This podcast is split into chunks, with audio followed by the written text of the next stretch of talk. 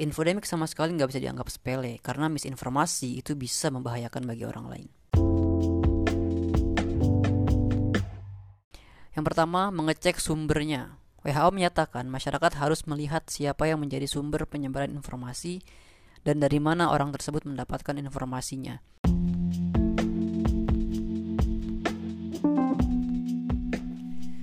Halo semuanya, bersama gue Ramlan. Selamat datang di Akademi Literasi Podcast.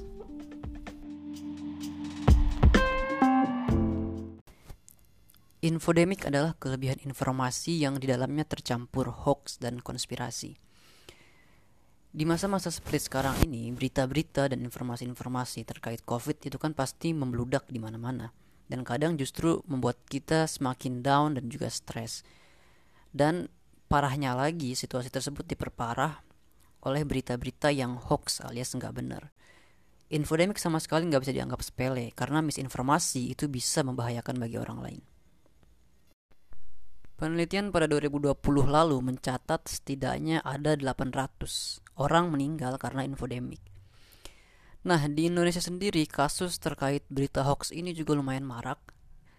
Sebagaimana diketahui bahwa Kementerian Komunikasi dan Informatika sebagai bagian dari gugus tugas percepatan penanganan COVID-19 mencatat setidaknya infodemik berupa hoax atau informasi yang tidak benar seputar COVID-19 di Indonesia mencapai 566 kasus.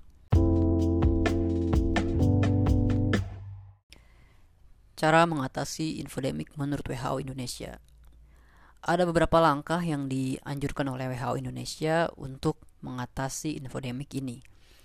Yang pertama, mengecek sumbernya. WHO menyatakan masyarakat harus melihat siapa yang menjadi sumber penyebaran informasi dan dari mana orang tersebut mendapatkan informasinya. Langkah kedua yang dapat dilakukan adalah dengan jangan hanya membaca judul dari informasi yang disebarkan.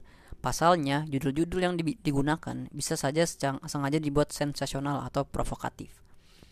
Ketiga, mencari tahu nama penulisnya.